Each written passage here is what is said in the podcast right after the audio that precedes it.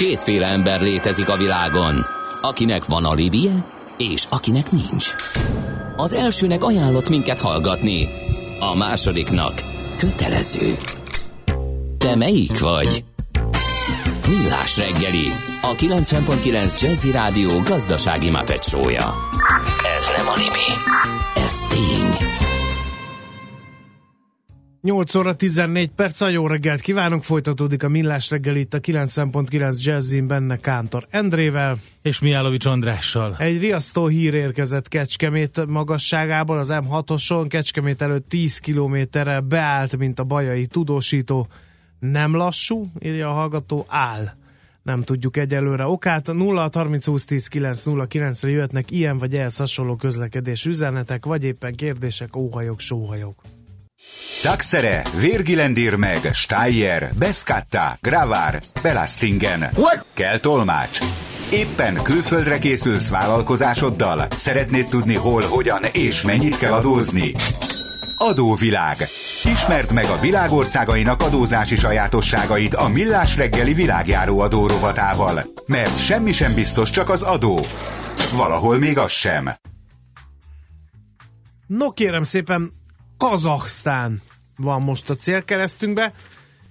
Az ország gazdasági portréját Gerendi Zoltán, a BDO Magyarország ügyvezetője, adótanácsadó partnere fogja majd felvázolni. Szervusz, jó reggelt kívánunk! Jó reggelt, sziasztok! Hát egy olaj országról van szó, amelynek ugye a gazdasága erre a nyersanyagra alapul. Igen, igen, de azért Kazaksztánról mondanék pár dolgot, ami talán még minket is e, jobban érint. Tehát méretét tekintve a világ 9. legnagyobb ország a 2,7 négyzetkilométerrel, tehát hatalmas ország, amelynek körülbelül hát a, hát a 0,8 millió négyzetkilométer alkalmas mezőgazdaság művelésre, és annak körülbelül e, abból 200 ezer négyzetkilométert azért kétszeres, majdnem két, kétszeres Magyarországi területe teljesen jó mezőgazdaságra, tehát egyébként ez a szovjet érában egy nagyon komoly mezőgazdasági terület volt, olyannyira egyébként, hogy ők fölnéztek a, a magyar mezőgazdaság elég sok szén konferenciákon, egy védős konferenciákon találkoztam ilyen kazak kollégákkal, akik egyik másiknak volt még ebben része. Most egyébként a történelemről annyit, hogy belemegyünk a gazdaságba és az adójogba, hogy egyébként egyes történelmi kutatások szerint mi az etel közben úgy értünk, hogy innen jöttünk Kazaksztán környékéről. Tehát ha nem is családi szinten, de valami fajta rokoni kapcsolat is elképzelhető itt még közöttünk, tehát a, a magyarok vándorlása során valahonnan onnan kellett általában tudósok szerint indulni. Tehát ez egy hatalmas ország, és úgy, ahogy mondtad, egy baromi gazdaság, baromi erős gazdasággal, ami elsődlegesen ugye a szénhidrogénekre épül, de hozzá kell tenni, hogy azt a, a, az írások szerint a Bengyelejenféle ilyen periódikus rendszernek a 110 eleméből 99-ig van. Tehát úgy tűnik, hogy nincsenek rosszul felszerelve, és ebből eredően a, a, a kőolaj mellett nagyon erős a fém és az egyéb bányászati tevékenység. Tehát azt lehet mondani, hogy egy igen színes gazdaságú ország, amelyik gyakorlatilag 20 éve nagyon szépen működik. Mi Kínáról beszélünk, de azt mondják, hogy 13-ig évi 8%-kal nőttek ők is. Tehát egy nagyon komoly erős gazdaságot tudtak felmutatni, ami szerintem mindenképpen meghatározó. Egyébként a területének nagyságára jellemző, hogy a, az a Bajkon úr, amiről sokat hallottunk, és az orosz űrprogramnak, űrprogramnak volt a, a középpontja, az is náluk van. Tehát Bajkon úr az a Kazaksztánnak a déli részén található, és nemrég néztem fotókat, ott található által úgy hagyták az oroszok, hogy kell, bérelték, a Turán két űrsiklót is, tehát amit nem fejeztek be, tehát az, amit az amerikai űrprogrammal az amerikaiak végigcsináltak, az az oroszok elkezdték fejleszteni, és két űrsikló ma is ott áll a Bajkonuri hangárban, ezt érdemes megnézni egyébként ilyen fotóba. Tehát az országra azt lehet mondani, hogy nagyon, nagyon rendezett gazdasága van, egy nagyon stabil gazdasági háttérrel rendelkező van, mezőgazdaságtól kezdve e, iparon át, illetve hát gyakorlatilag alapanyag, nyersanyag e, kitermelésen át egy csomó minden. Iparban nem olyan erősek, de igazából úgy tűnik, hogy még nem is annyira van rá szükségük. A legnagyobb városaik az gyakorlatilag a, a Almata, ami 1,4 milliós, és a, aztán a főváros az is közel most már 1 milliós. Aztán már azt kell tudni, hogy ez később vált fővárossá, és gyakorlatilag egy nagyon modern város, ahol tulajdonképpen Kazaksztán azt próbálja megmutatni, hogy, hogy, hogy ennek a közép-ázsiai régiónak a meghatározó országa. Na most adójogi szempontból igazából egy, egy kiegyensúlyozott országnak mutat, mutatkozik, tehát nem terhelik túl itt a népeket adóval, gyakorlatilag egy 10-12%-os áfájuk van, a társasági adójuk az 20%, és az SZIA-juk 10%. Most azt tudni kell, hogy Kazaksztánban gyakorlatilag a külföldi befektetéseknek a helyzet azért nem volt egyszerű, tehát nem egy, de most kifejezetten úgy néz ki, hogy erősödik, tehát egy erős privatizációs hullám és tőzsdei nyitás található. Számos most már számos, tehát számos kazak tőzsdén szereplő cég is van, de úgy tűnik, hogy nagyon sok megy nemzetközi tőzsdére is. A kereskedelmi kapcsolataik ugyanígy a ásványi anyagok körül mennek. Egyébként ők a 12. legnagyobb olajtartalékkal rendelkeznek, és a 18. földgáz tartalékkal. Tehát ők azért nagyon, nagyon meghatározó ország, és nem is valószínű, hogy erről az útról ők a közeljövővel letérnek.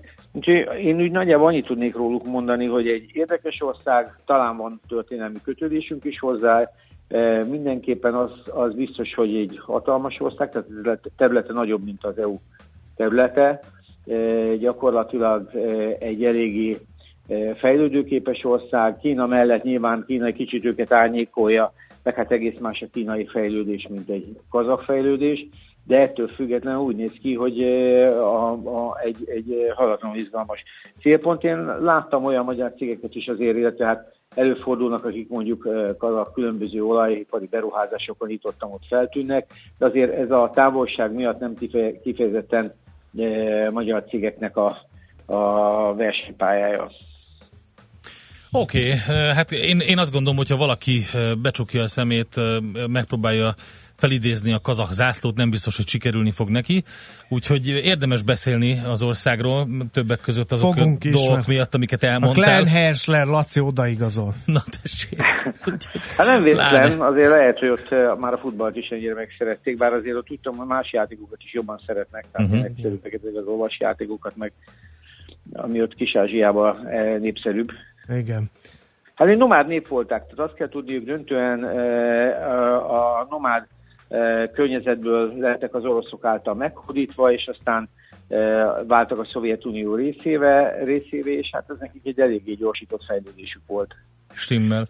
És hát valamiféle zsilipként szerepelnek ők, ugye így Kína, Oroszország és ezek az isztánok között, Türk, Türkmenisztán, Üzbegisztán, Kirgizisztán. Igen, ők alattuk vannak. Igen. Tehát földrajzilag jobbra van tőlük Kína, fölöttük balra az oroszok, és hát gyakorlatilag ez a két ország határozza meg az ő kereskedelmüket. Igen. De húznak Kína felé, tehát az látszik egyértelműen, hogy a, mind a származásuk, mind a környezetük egyértelműen megadja ezt. Egyébként minden idők legnagyobb kínai beruházása az náluk történt, vagy egy akvizíciója. A Petrokazasztánt vette meg 2005-ben 14,8 milliárd dollárért egy kínai cég.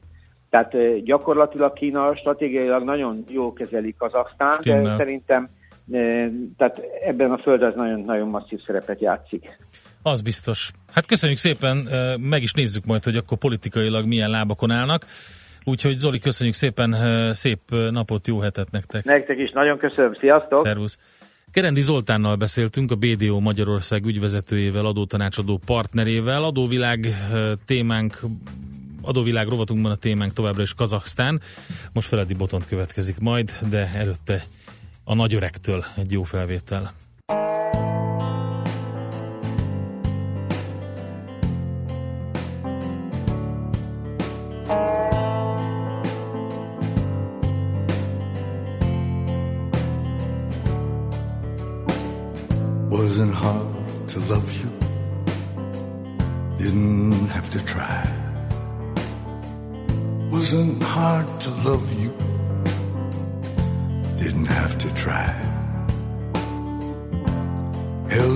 A little while. My oh, my oh, my. Held you for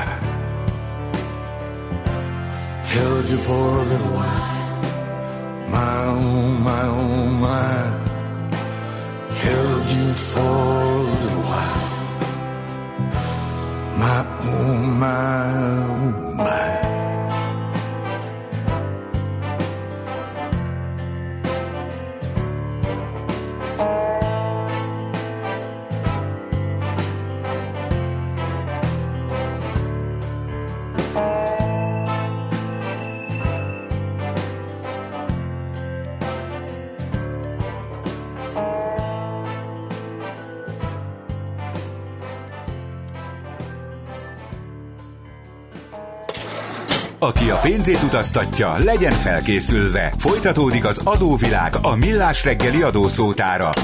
Érdekességek, adózási szokások, geopolitikai helyzetkép.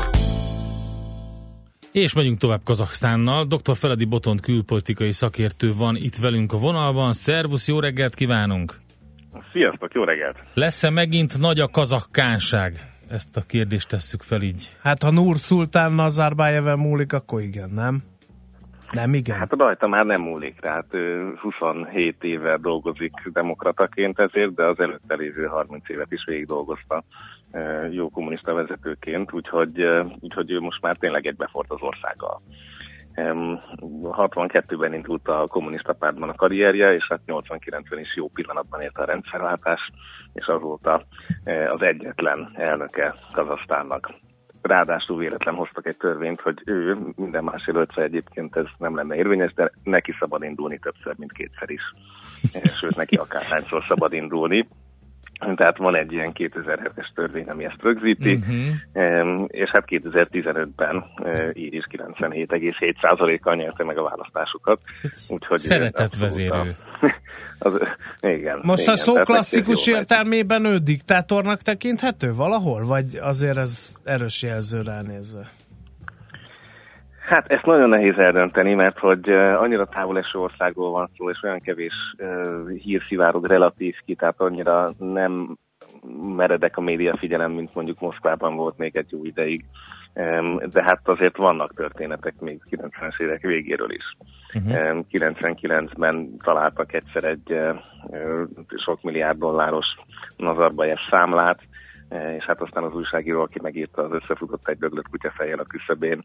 Tehát vannak különböző ö, olyan történetek, amik azt mutatják, hogy abszolút a, az ellenzék az, az nehéz helyzetben van, el van folytva, vannak beszámolók arról, hogy esetleg őket megkínozták-e fogvatartás közben, de mindeközben meg a választási eredményeket is látjuk. Igaz, hogy gyakorlatilag az elmúlt 27 évben nem volt olyan választás, amit a nemzetközi közösség elismert volna, mint fel és nyílt választás. Uh-huh. Viszont egy nagyon gazdag országról van szó. Uh, ugye majdnem azt mondtam, hogy olajmonarchia, de még azért királyság arra felé nincsen, de rengeteg nyersanyaguk van, ezt az előbb ugye Gerendi Zoltán is elmondta. Uh, hogyha egy ilyen gazdag ország felbukkan a térképen valahol, azt gondolnánk, hogy ott pláne ugye az Oroszország szomszédságában ott van valamiféle, és finoman fogalmazok, szoros kötelék is. Hogy áll most az orosz-kazak viszony? Hát remekül, tehát hogy ők Putyinnal gyakorlatilag a régió két legrégebbi vezetője, most alig, hanem még az is lehet, hogy, hogy korábbról már egy picit ismerték egymást, de Kazasztán igazából annak az iskola példája, amivel oly sokan kísérleteznek más régiókban, hogy mindenkivel jóban van. Tehát a régió GDP-nek tényleg több mint, vagy közel kétharmadát itt állítják elő ezekből a nyersanyagokból. Ők egyszerűen jó vannak a kínaiakkal is, tehát Nazarbayev eddig 16-szor találkozott a kínai állam vagy kormányfővel. Tehát ez azért ezt a számot egy kicsit ízlelgessük, hogy ez milyen gyakoriságot jelent. Rendkívül jóban van az oroszokkal. Egyébként a lakosság közel 20%-a egyötöde orosz, vagy orosz ajkú úgyhogy eh, nem is nagyon van más választása, de hát a Bajkonur eh, kilövő állomást is itt bérlik az oroszok, tehát uh-huh. 6000 négyzetkilométert bérelnek mégiscsak az országból, és mindemellett Amerikával is jóban vannak, mert hogy egyébként elképesztő mennyiségű atomfegyver volt az ország területén a szovjet időszakban, és Nazarbayev azzal vízta ki az amerikaiak eh, első 800 millió dolláros támogatását, hogy ezt felszámolta.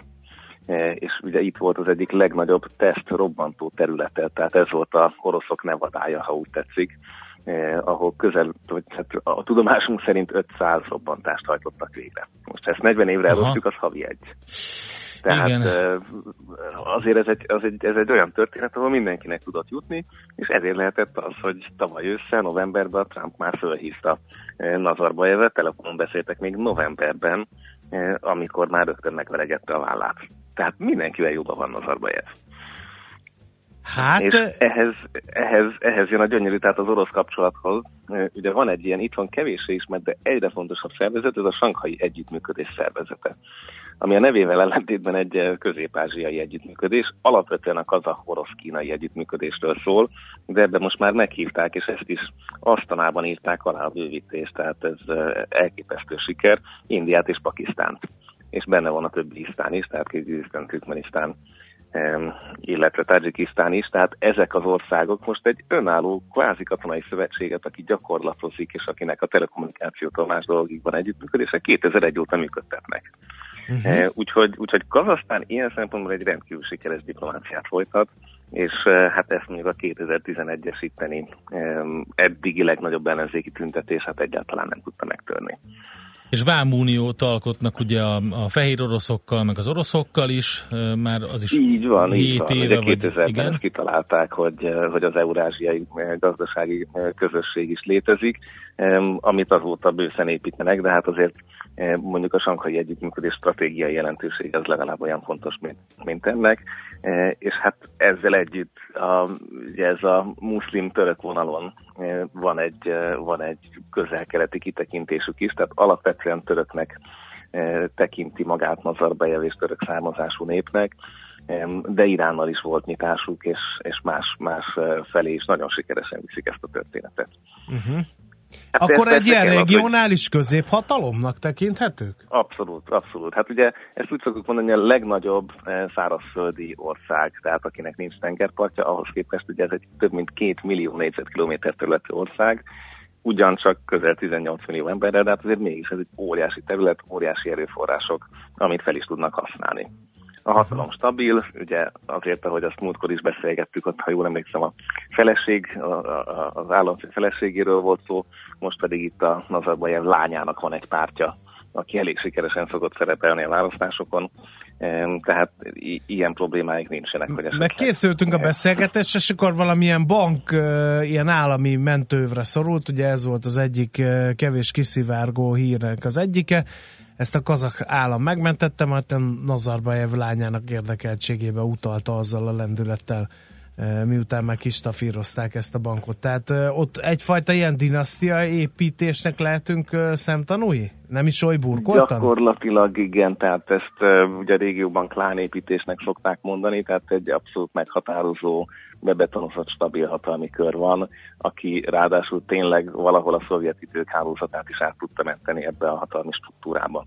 Ugye nem csak a lánya lánya bankja, ugye amikor saját maga lebukik egyszer egy olajbevételeket elkanyarintó kis magánszámlával, akkor még a parlament azon nyomban elfogad egy Nazarbajevre vonatkozó immunitási törvényt, és egyébként a pénzmosást, mint olyat is egy időre eh, hatályon kívül helyezték. Tehát eh, azért, azért itt tényleg gyakorlatilag a vezető az, az támadhatatlan, és nem is nagyon próbálkoznak mostanában már látványosan őt bárhogyan is megingatni. Tehát elérte azt, hogy az ellenzék az tényleg mhm. meglehetősen... És akkor a kijelölt utod az valószínűleg a Nazarbayev lánya? Hát ilyen esetekben erről beszélni, hogy, eh, hogy egy utódlásnál mi következik be, ugye ez mint a török szultán, tehát lehet, hogy ő elgondolta azt, hogy ki lesz az utódja, de azért az a pillanat azért nagyon kritikus pillanat lesz. Uh-huh. Márpedig hát nyilván nem olyan fiatal az arba, úgyhogy ebből még bármi lehet, de, de ezekben az esetekben az a legbizonytalanabb, hogy egyáltalán lehetséges-e itt egy utódlást úgy végigvinni, és azt be tudja előre programozni a rendszerbe, vagy pedig uh-huh. akkor jönnek azért a kérők. Hát majd meglátjuk. Ez is egy érdekes ország akkor ezek szerint. Köszönjük szépen, Botond. Tisztában látunk Kazaksztán mindennapjait illetően. Egyébként borzasztóan nagy a kontraszt, ugye? Van egy teljesen modern város, meg vannak pásztorkodó régiók, ahol eh, középkori szinten élnek a az emberek, ugye? Abszolút, tehát a nomád kultúra az, az megvan, és gyakorlatilag a középkorban is ez, hát ha lehet így mondani, a identitás és önvédelem nagy teljesítménye volt, hogy a, a, a nomádságukat azt vissza tudták időnként állítani, amikor a mongolok, tatárok, mások őket elfoglalták, tehát van ennek jelentősége, hogy, hogy ők ezt meg tudták őrizni és hát azt is hozzá kell tenni, hogy azért az éghajlat is meglehetősen szűkmarkóan mér, tehát ugye van egy óriási sivatagos rész, egyébként maga Asztana is eh, az egyik leghidegebb főváros, tehát eh, egy, egy, egy meglehetősen zord körülmények között épülő eh, olajdinasztiáról van szó. Jó, köszönjük még egyszer, jó munkát és szép hetet neked, Boton. Nektek is, hallgatóknak is, sziasztok. Szervusz, szia! Dr. Feledi Botond külpolitikai szakértőnk, az adóvilágról állandó szakértője mesélt Kazasztánról. Ma sem maradtunk semmivel adósak. A Millás reggeli világjáró adórovata hangzott el. Jövő héten ismét adóvilág, mert semmi sem biztos, csak az adó.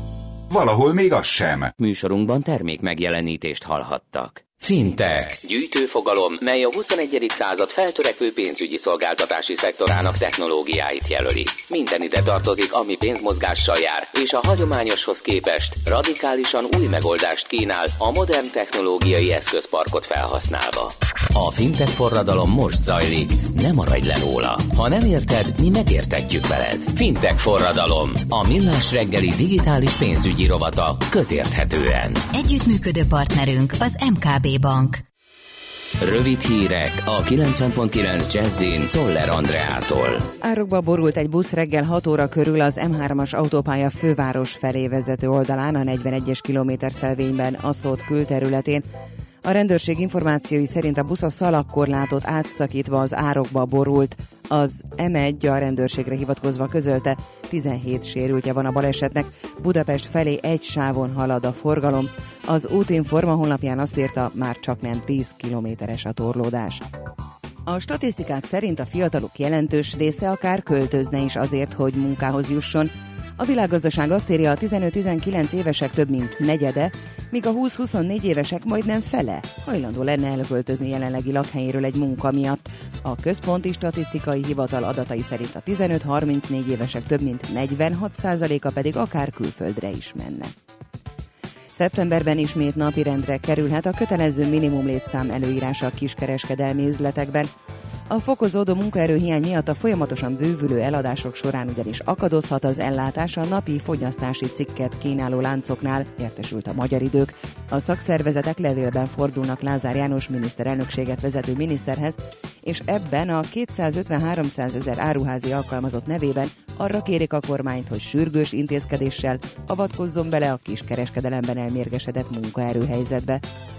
A világ átlag több mint kétszeresét és az európai átlag majdnem háromszorosát produkálta tavaly a magyar turisztikai növekedés. A magyar hírlapnak Guller Zoltán, a Magyar Turisztikai Ügynökség vezérigazgatója elmondta, 2019 végéig szeretnék utolérni az osztrákok teljesítményét, úgy, hogy a turizmusból származó bevétel Magyarországon is elérje a GDP 16%-át. A következő két év alatt háromszorosára növeli a fesztivál támogatási keretet az Emberi Erőforrások Minisztériuma. Az m azt írja, újabb 250 millió forintal emelkedik a vidéki és határon túli magyar fesztiválok támogatására szánt összeg. A magyarországi fesztiválok a Nemzeti Kulturális Alapfesztivál finanszírozásra fordítható kerete mellett 2,7 milliárd forint állami támogatásban is részesülhetnek. A támogatás növelésével az emmi célja a fővárosi mellett a vidéki művészeti fesztivál élet erősítése, közölte Rétvári Bence államtitkár. A sok napsütés mellett gyakran növekszik meg a gomoly felhőzet, és szorványosan számíthatunk záporokra, zivatarokra. A déli délnyugati szél megerősödhet, de 32-38 fok közötti hőség várható. A hírszerkesztőt Czoller Andrát hallották, friss hírek legközelebb fél óra múlva. Budapest legfrissebb közlekedési hírei, itt a 90.9 jazz a közlekedési hírek támogatója, a Renault Kadjar és Captur forgalmazója, az Autotriplex Kft. Budapesti márka kereskedései. Akadozik haladás a 10-es főúton befelé az Ürömi körforgalom, illetve az Óbudai temető előtt, a 11-es főúton a Pünkösfürdő utcánál, a Váci úton befelé a Megyeri útnál, a Kiskörúton az Asztória felé minden irányból, a Budai alsórakparton a Petőfitől észak felé. A Villányi úton befelé a Tasvezér utca után korlátozásokra számíthatnak, mert tart az útpálya helyreállítása. Török Bálinti úton a Beregszász út közelében és az Ötvös úton az Ordas útnál útszűkületre készüljenek, mert gyalogátkelő helyet létesítenek. Pongrász Dániel, BKK Info. A hírek után már is folytatódik a millás reggeli, itt a 90.9 Jazz. Megjelenítést hallhatnak.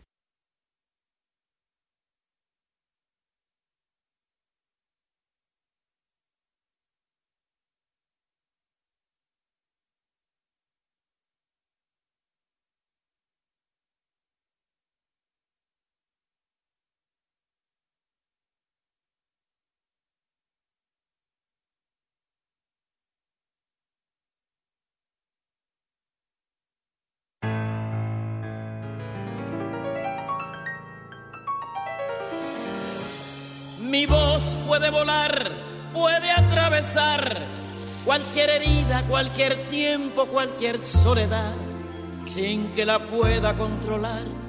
Toma forma de canción, así es mi voz, que sale de mi corazón y volará, sin yo querer, por los caminos más lejanos, por los sueños que soñé, será reflejo del amor, de lo que me tocó vivir será la música de fondo. De lo mucho que sentí. Oye, mi son, mi viejo son, tiene la clave de cualquier generación. En el alma de mi gente, en el cuero del tambor, en las manos del conguero, en los pies del bailador. Yo viviré, allí estaré, mientras pase una comparsa, con mi rumba cantaré, seré siempre lo que fui con mi azúcar para ti yo viviré, yo viviré.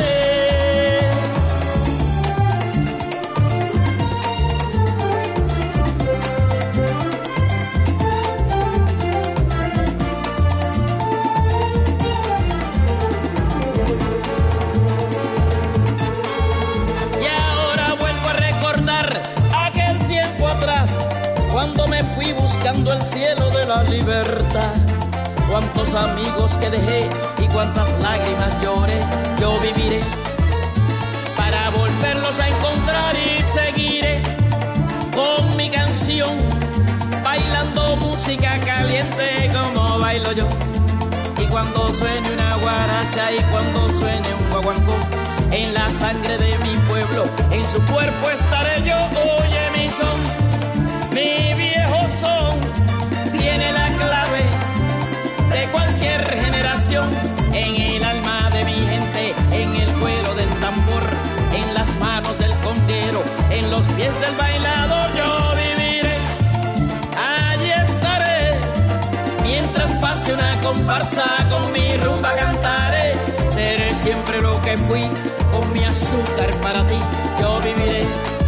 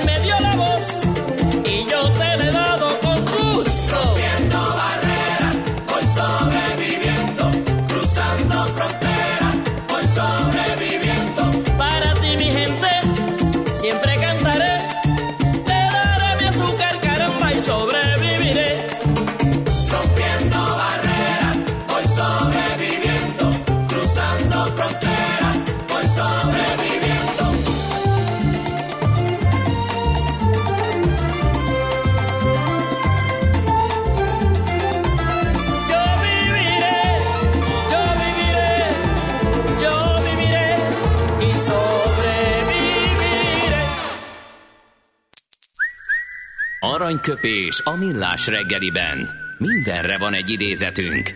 Ez megspórolja az eredeti gondolatokat. De nem mind arany, ami fényli.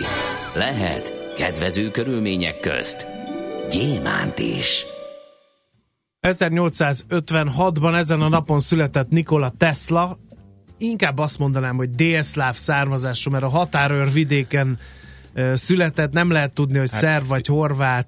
figyelj, nagyon pontosan tehát na- lehet tudni. Hogy szerb? Nem, ez még a Nagy Magyarország területén volt. Úgyhogy Puskás Tivadarral nagyon hosszan dolgoztak csak együtt, mondom, ő ajánlá, e magyarul ajánlotta- beszélt, és innen Pestről Igen. indult el lé, Igen. lényegében. De hát ö, Smiljánban született, ami hát elvileg horvát, fenn, tehát horvát, a, a szerb-horvát települések közül, ö, Likazeng megyében, de ez természetesen a történelmi Mindenki Magyarország szeretné. területén született. Mindenki szeretné magának Jó. Nikola Teslát. Igen. Minden esetre Amerikában csinálta meg a karrierjét, ott lett elismert fizikus és feltaláló, tehát mondtam 1856-ban július 10-én született, tőle választottunk, egyértelmű volt, hogy tőle választunk aranyköpést, főleg egy ilyet, ami most következik, idézem. A tudósok Franklintől Morzéig józan gondolkodók voltak, és nem alkottak téves elméleteket. A mai tudósok a józanság helyett elmélyülten gondolkodnak. Józannak kell lenni a hibátlan gondolkodáshoz, mivel gondolkozhat valaki elmélyülten, mégis lehet, hogy teljes tévedésben van. A mai tudósok helyettesítették a kísérleteket a matematikával, és egyenletről egyenletre vándorolnak végül felépítenek egy olyan alkotmányt, aminek semmi köze a valósághoz. Mondta tehát Nikola Hát kérlek Tesla. szépen, ugye a világ egyik legjelentősebb és leghíresebb tudósa és feltalálója. Ő ugye elsősorban a elektromosság, mágnesesség, gépészet területén dolgozott. Fontos elméleti és gyakorlati részecskefizikai és gravitációs kutatásai vannak. Ezen kívül ugye a több fázisú villamos hálózat, a váltakozó áramú motor, az energiavezeték nélküli továbbítása, energiatakarékos világítás, távirányítás, nagyfrekvenciás elektroterápiás készülékek, a napenergia erőmű és más megújuló energiaforrással működő berendezések, a rádióban is dolgozott, hogy a rádiónak a különböző fejlesztésén, munkássága pedig jelentősen hozzájárult a második ipari forradalomhoz, és döntő mértékben meghatározza jelenkori gazdasági és társadalmi életünket. Ahogy te mondtad, ugye...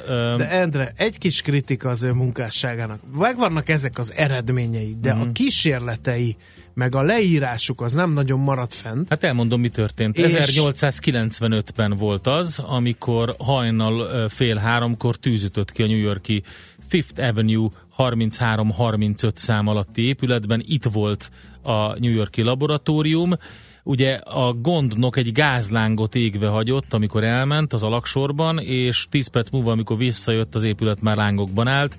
Hát vitatott eredetű a tűz, de minden esetre leégett Nikola Tesla teljes negyedik emeletet elfoglaló laborja, megsemmisültek a kísérleti modelljeinek százai, jegyzetei, tervei, eszközei, úgyhogy, és egyébként nem volt biztosítva ez. Péter azt írja, hogy Tesla tényleg a mai Horvátországban született, de az apja ortodox pap volt. A szerbek ortodoxok, a horvátok ugye katolikusok. Kíváncsi uh-huh. vagyok Puskás Tivadarra milyen nyelven beszélt. Ajánlom a Belgrádi Tesla múzeumot, Hanva is ott vannak. Uh-huh írja a Péter hallgató, de hát magyarul beszélt, mert ott magyarul is, ugye? Igen, Ezt igen, tudott magyarul, abszolút. Úgyhogy így beszéltek Puskás Tivadarral, aki beajánlotta és először Nyugat-Európába ment, karriert építeni, aztán került az Egyesült Államokba, Edison munkatársa volt, aztán összekülönböztek, és Edison nagyon csúnyán bánt Teslával. Egyébként mindent megtett, hogy negatív hírét keltse Teslának és az ő eredményeinek Edison. Ugye még egyszer, ugye akkor ez a terület a Magyar Királysághoz tartozott, és igen, apja a szerb kisebbség papja volt, anyja pedig egy pópa lánya úgyhogy egész érdekes. Különben nagy vihar volt, amikor ő megszületett, és a dajkája babonásan azt mondta, hogy majd a sötétség gyermeke lesz a Tesla. Úgyhogy erre azt mondta az anyja, hogy nem, a világosság gyermeke lesz ő. Úgyhogy izgalmas és érdekes legendák is fűződnek a nevéhez. Aranyköpés hangzott el a millás reggeliben. Ne feledd, Tanulni ezüst, megjegyezni arany.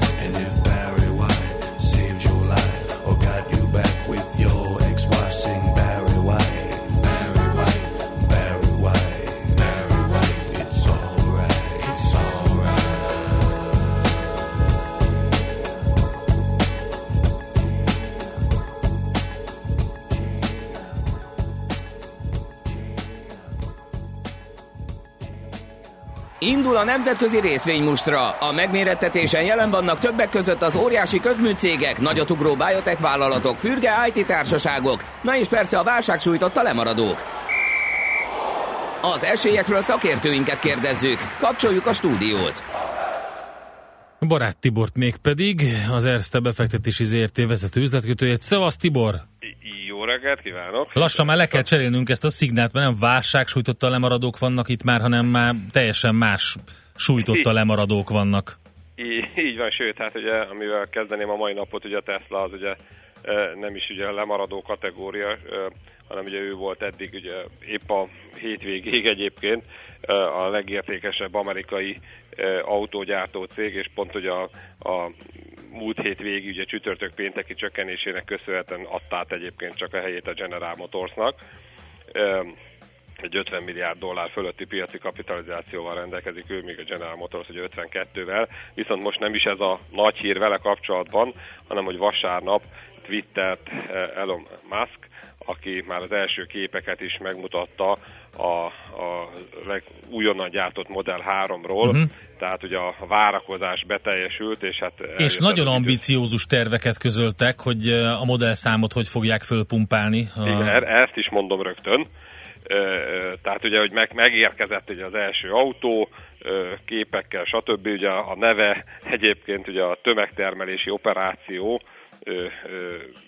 mint, mint, mint, mint jelszó alatt ugye fut ez a, ez a termék, ugye, aminek a fő különbözősége, csak hogy aki esetleg még kevésbé hallott róla, hogy a Model S vagy a Model X-hez képest, hogy ugye jóval alacsonyabb ára van, ugye 35 ezer dollár, és hát ezzel szeretne ugye betörni a, a, a, a szélesebb rétegek közé a, a, a Tesla.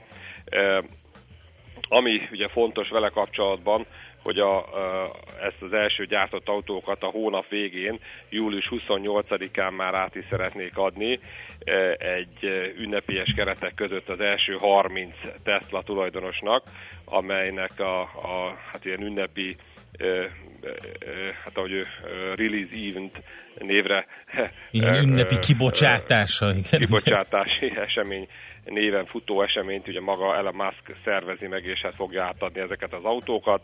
Tehát ez ugye még júliusban, és akkor hát innen tovább, amiket ugye te az előbb említettél, hogy augusztusban további 100 darabot, szeptemberben 1500 darab járművet szeretnének átadni, míg a, e, ugye a későbbiek során, a, ahogy a szakirodalom már nevezi a Fox Tesla, e, e, jelenleg 400 ezer darab előrendelés van, hát amelynek a kielégítése azért egy picit ugye hosszabb ideig tart.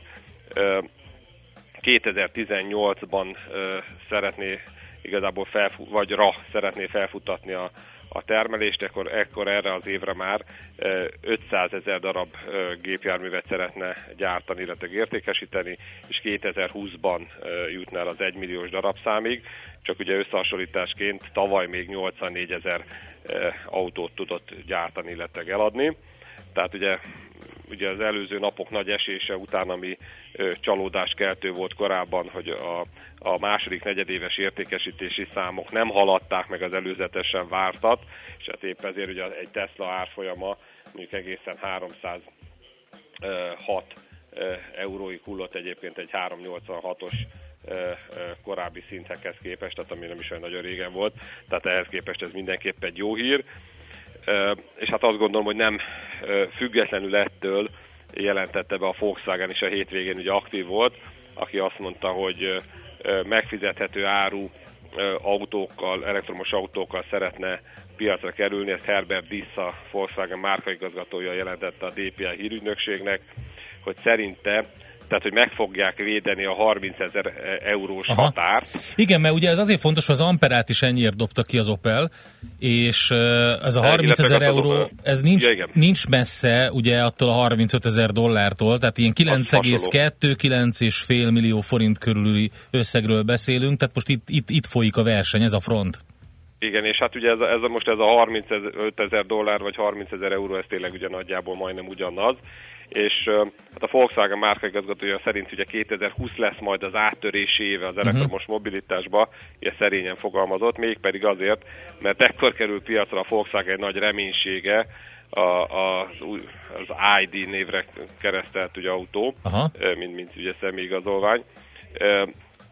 Hát minden esetre ugye egy-két újdonságot is elárult ezzel kapcsolatban, hogy együttműködésre lépett a Volkswagen a Kuka nevű robotgyártó vállalata, ugye ami német gyártó, de hát ugye a kínaiak vásárolták meg, É, és ö, hát ugye e- e- ebben ugye a, a, a, az elektromos, illetve az önálló navigációk kiszolgálását szeretnék közösen fejleszteni. Az egyik ilyen elképzelés például az, hogy a vezetőnek csak ők le kell parkolnia valahová, és akkor az összes ilyen akufeltöltéssel járó feladatok, hogy tankolás, meg hát már mint zárójelbe tankolás, ugye, tehát feltöltés az aksiknak, stb. Ezt mind már ezek a, a robotok végeznék, tehát úgy néz ki, hogy a, a, a Volkswagen is ugye nagy ö, ö, terveket lát ebben a, ezen a területen, ami hát valószínűleg tényleg úgy így is van, és akkor megpróbálja felvenni a kesztyűt a, az úttörővel, ugye a Teslával ebben a feladatban. Oké, okay, oké, okay, figyeljük. volna ugye a, az elektromos autók piacán. Ugye egy másik, hát ugye nem sok minden uh, eredménnyel zárult a hétvégi G20, mármint ami legalábbis a, a, a deklarációk területén, tehát nem az utcai eredményekre gondolok, hanem a, hanem a, a, a az állásfoglalások területében. Egy viszont Bruno Le Maire, a francia gazdasági miniszter viszont tartott egy gazdasági fórumot Provence-ban, Dél-Franciaországban, és a hallgatóság nagy közepe, ha- tapsivara közepette említette, hogy hát ezt magán a G20-on is felvetette, hogy az Európai Uniónak meg kéne fizettetnie a, az amerikai nagy óriás cégekkel, mint a Google, az Amazon vagy a Facebook, az Európában értékesítések után egy úgynevezett méltányos adót, amivel szerinte ezek a cégek tartoznak az európai adófizetőknek. Eh, ugyanis, eh, hát szintén az ő szavait idézem, ugye ezek a cégek különböző pénzügyi megoldásokkal törekszenek adóoptimalizálásra, azaz arra, hogy kevesebb adót fizessenek egy-egy országban. Egyébként csak úgy érdekesség, hogy mondjuk a Google Franciaországban már évek óta ugye nyomás alatt áll, ott egy 1,1 milliárd eurós adótartozást próbálnak rajta behajtani. Egyébként pont egy hónappal ezelőtt a Párizsi Közigazgatási Bíróság jelentéstevő szakértője azt mondta, hogy szerintük ez erre nem kötelezhető a, a, cég Franciaországban, mivel ez egy amerikai vállalat. Bíróság ítélet egyébként ennek a hónapnak a végén várható, vagy május elején például Olaszországban sikerült a Google-nak megállapodni egy 306 milliós adóban, ugye amit egyébként ugye Európában ő Írországba fizet adót, tehát hogy az Olaszországba fizetné, még a 2009 és 2013 közötti időszakra visszamenőleg. Eh, Június végén pedig maga az Európai Bizottság ugye egy rekordösszegű 2,4 milliárd eurós bírságot szabott ki a Google-re ilyen tröszterenes szabályok szerint. Egyébként ugye itt az újság megírója szerint a Google-ra eléggé rájár a rud, mert egy ennél nagyobb bírság előkészítése is van ellenük. Hát ez egy érdekes, ö, hát nem is tudom, jogi kérdés, hogy, hogy ugye, hogy ez a francia ö, gazdasági miniszter szó, jele, jelezte, itt az ide, hogy Európa magához térjen, megvédje az érdekeit, hogy megfizettesse az adót ezekkel a cégekkel. Stimmel. Hát kíváncsi leszek, hogy itt milyen fejlemények lesznek. Tibor, egy mondatba a Goldman-t mondd el, légy szíves, mert ők nem szerepeltek olyan jól pénteken. Ö, igen, hát talán annak is köszönhetően, hogy a szintén média jelentések szerint jelentős tőke kivonás zajlik a Goldman alapoknál, tehát az eddigi teljesítményeik alapján is hát szerintem ez játszhatott közbe. És akkor egy utol, ez ugye egy negatív hír, viszont akkor mondjunk a végére azért egy pozitívat is.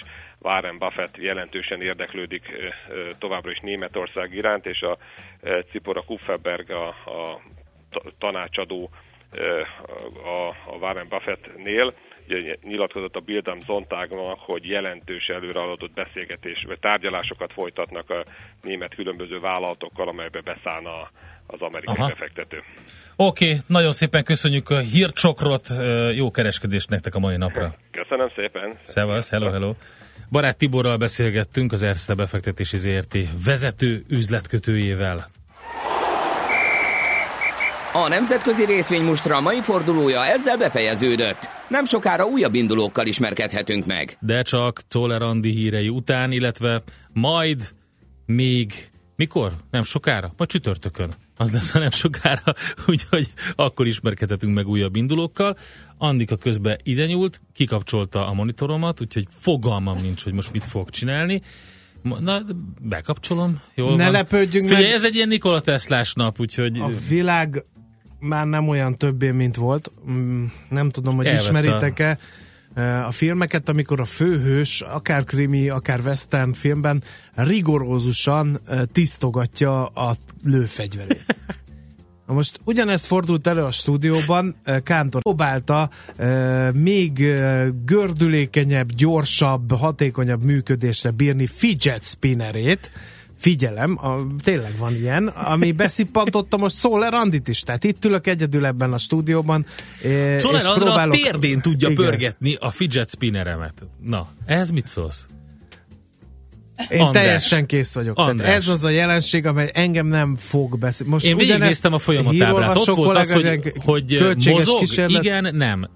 Ö, Nem mozgott. Nézzek, Kell homlokán, neki? Igen, homlokán. akkor jöhet a spré. Homlokán Figyelj, pörgeti ő a neki is vannak gyerekei. Tudja, hogy mit kell ezzel csinálni. András, nálatok ez még nem robbant be a köztudatba? Nem, és ha rajtam áll, nem is fog Endre. Értem. Akkor most uh, Ezért felteszek neked a Facebook oldalunkra egy fidget spinnert, ami Egy fidget az spinner én appot. fantáziámat is megmozgatta. Kíváncsi vagyok, jó, hogy te mit szólsz van. hozzá. Köszönöm szépen. Azt fogom nézni. A Millás reggeli Facebook oldalát fogom most megnézni.